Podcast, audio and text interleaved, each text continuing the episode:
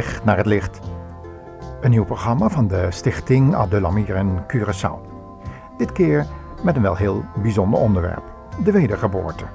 Wat is dat eigenlijk en hoe kan je nu zeker weten dat je opnieuw geboren bent?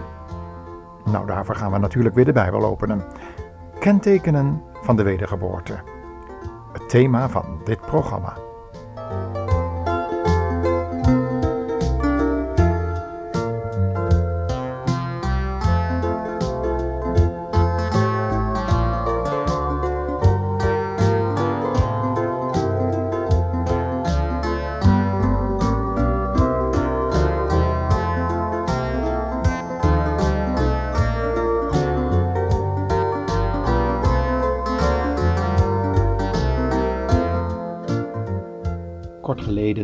Las ik een boekje van de bekende, maar inmiddels overleden evangelist Wim Malgo, directeur van de zogenaamde middernachtsroep.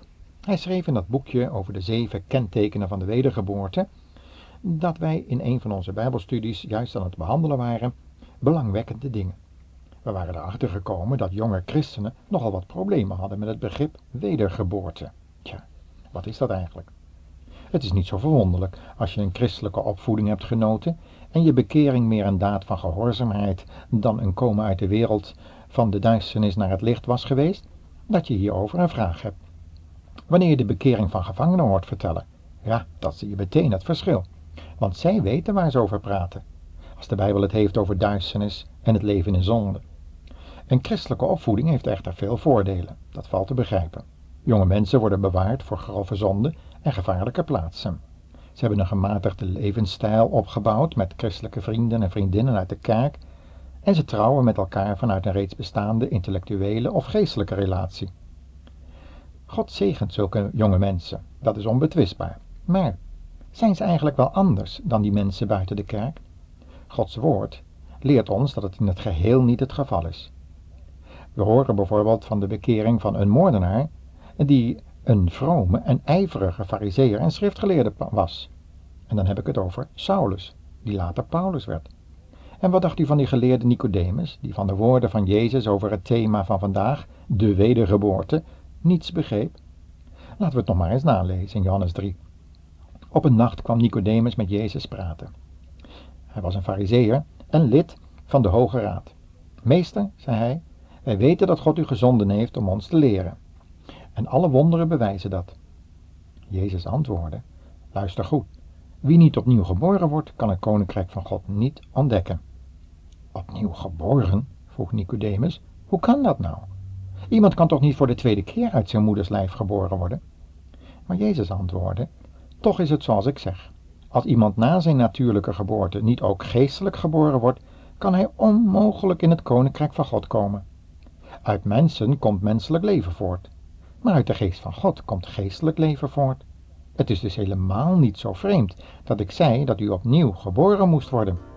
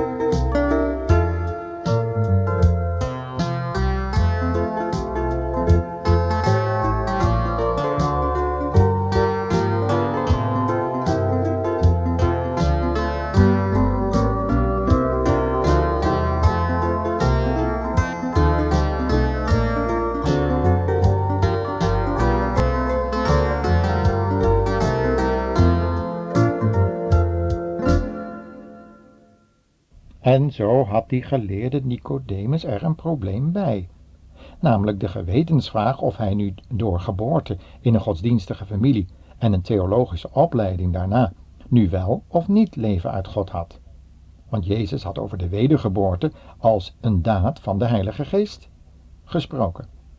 Als Bijbelkenner had Nicodemus kunnen weten op welk Bijbelgedeelte de Heer Jezus doelde, toen hij het over dat nieuwe leven van de wedergeboorte had. Jezus had verwezen naar de geschiedenis van de koperen slang, die op een paal gestoken als symbool voor de oorzaak van zonden en dood, daar machteloos tentoongesteld werd, en waarbij elke Israëliet die zich van zijn dodelijke ziekte bewust was geworden, werd opgeroepen om zijn blik in geloof op dat vloekhout te richten. Ja, dat hout dat, en die slang die vertegenwoordigde zijn eigen schande en zondige ongehoorzaamheid, dat was waar. En het was zeker een vernedering om al kruipend en half in een stervensfase gekomen, nu naar die slang op te kijken. Wanneer hij of zij in een stil ootmoedig smeekgebed, vol zondebeleidenis, berouw en vertrouwen op Gods vergevende liefde, zich buiten de tent had begeven, of laten brengen, en God dankte voor het middel van behoudenis, dan zou de genezing van lichaam en ziel intreden doen.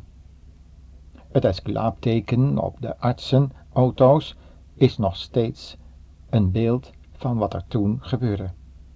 Zo iemand ontving als het ware leven uit de dood, werd zogezegd opnieuw geboren. En ook uit de profetie van Jezegiel had Nicodemus kunnen herinneren wat Jezus bedoelde. Want ook deze profeet had gesproken over een nieuwe geest en een nieuw hart en de noodzakelijkheid daarvan. En God zou dat geven aan mensen die beleden dat ze voor God dood waren door de misdaden en de zonde. En dus ook een nieuwe geboorte van bovenaf nodig hadden om opnieuw te kunnen beginnen. We lezen daar iets over in de Efezebrief, hoofdstuk 2, vers 1. Petrus zou er later van zeggen: U hebt nu nieuw leven gekregen. Niet door geboorte uit uw ouders, want aan dat leven komt een einde, maar een leven door de wedergeboorte, uit God, die door de levende Christus zijn woord tot ons blijft spreken. En Johannes schrijft in 1 Johannes 2 vers 17 over de wedergeboorte als over het zaad van God, terwijl Paulus aan Titus schrijft over het bad van de wedergeboorte en de vernieuwing van de Heilige Geest. U kunt dat zelf nalezen in Titus 3 vers 4 en 5. En dan nu die zeven kenmerken van de wedergeboorte die Wim Malgo had geschreven. En natuurlijk kunnen we er in dit korte programma maar oppervlakkig op ingaan. Maar laten we toch maar eens proberen op te zoeken in de Bijbel. We zullen beginnen met dat eerste duidelijke kenmerk dat iemand weten kan of dat hij of zij wedergeboren is. Laten we maar eens beginnen met wat Jezus zei in Johannes Evangelie, hoofdstuk 5, 14 en 16, over het werk van de Heilige Geest in het ontdekken aan zonde. De ontdekking van zonde en het oordeel daarover, waardoor eerst een verbrokenheid van hart en een verslagenheid van geest optreedt, is er sprake van geloof in Gods liefdevolle oplossing. Die hulp die wordt aangegrepen en Jezus wordt als Heer en Verlosser geloofd en aangenomen, waardoor de Heilige Geest de zekerheid van de behoudenis bewerkt, waardoor zo iemand zich een kind van God weet. Dat is geweldig nieuws, dat we door ontdekking van zonde en buigen onder het oordeel van God de zekerheid kunnen krijgen van onze behoudenis wanneer we Jezus als het Lam van God, als Heer en Verlosser aannemen. In het kort dus, er is inzicht nodig in eigen verlorenheid en zekerheid betreffende de eigen behoudenis. Enkele teksten daarvan, in onder andere Handelingen 2, vers 37, daar staat: Toen de mensen dit hoorden, voelden ze zich heel erg aangesproken en vroegen aan Petrus en de andere apostelen: Vrienden, wat moeten we nu doen? In een andere vertaling wordt dan gesproken over het hebben van een verslagenheid van hart. Een andere tekst die hierover spreekt is Psalm 51, vers 19. Daar zien we dat we Gods offeranden kunnen aanbieden, namelijk Gods offers zijn een gebroken geest en een verslagen hart. En in dit gedeelte staat er dan dat God dat niet zal verachten. Mijn last is licht en mijn juk is zacht. Ik ben je schild Ik maak je vrij als een vogel die vliegt zonder gewicht, van mijn juk zacht en mijn last is licht. Ik maak je los van alles wat je bent. Geef jou het kleed van een koningskind. En ik stel je hoog op de troon, in mijn koninkrijk van licht, van mijn juk zacht en mijn last is licht. Kom dan bij mij, nu is het tijd. Spreid nu je vleugels uit en dans met mij. Zing en wees blij, hier ben je vrij. Hier is je heil en je heerlijkheid. Want ik til je uit, boven elke pijn. En heel de weg zal ik bij je zijn. En ik voer je veilig omhoog, naar een heerlijk vergezicht. Want mijn juk is zacht, en mijn last is licht. En is het donker om je heen, ik breng je in het licht. Want mijn juk is zacht, en mijn last is licht. Dus hef je hoofd nu omhoog, hou je oog op mij gericht, want mijn juk zacht en mijn last is licht. Ik maak je vrij als een vogel die vliegt zonder gewicht, want mijn juk zacht en mijn last is licht. La la la la la la. Het tweede kenmerk is een geestelijke honger naar Gods woord en de kennis van Gods wil.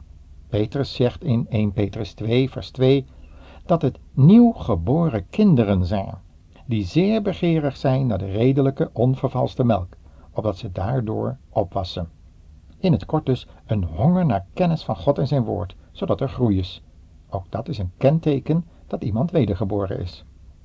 Het derde kenmerk is dat een wedergeboren iemand een sterke behoefte heeft om de natuurlijke schroom en mensenvrees af te leggen, zodat hij gaat getuigen van dat nieuwe leven wat in de gelovige werkzaam werd.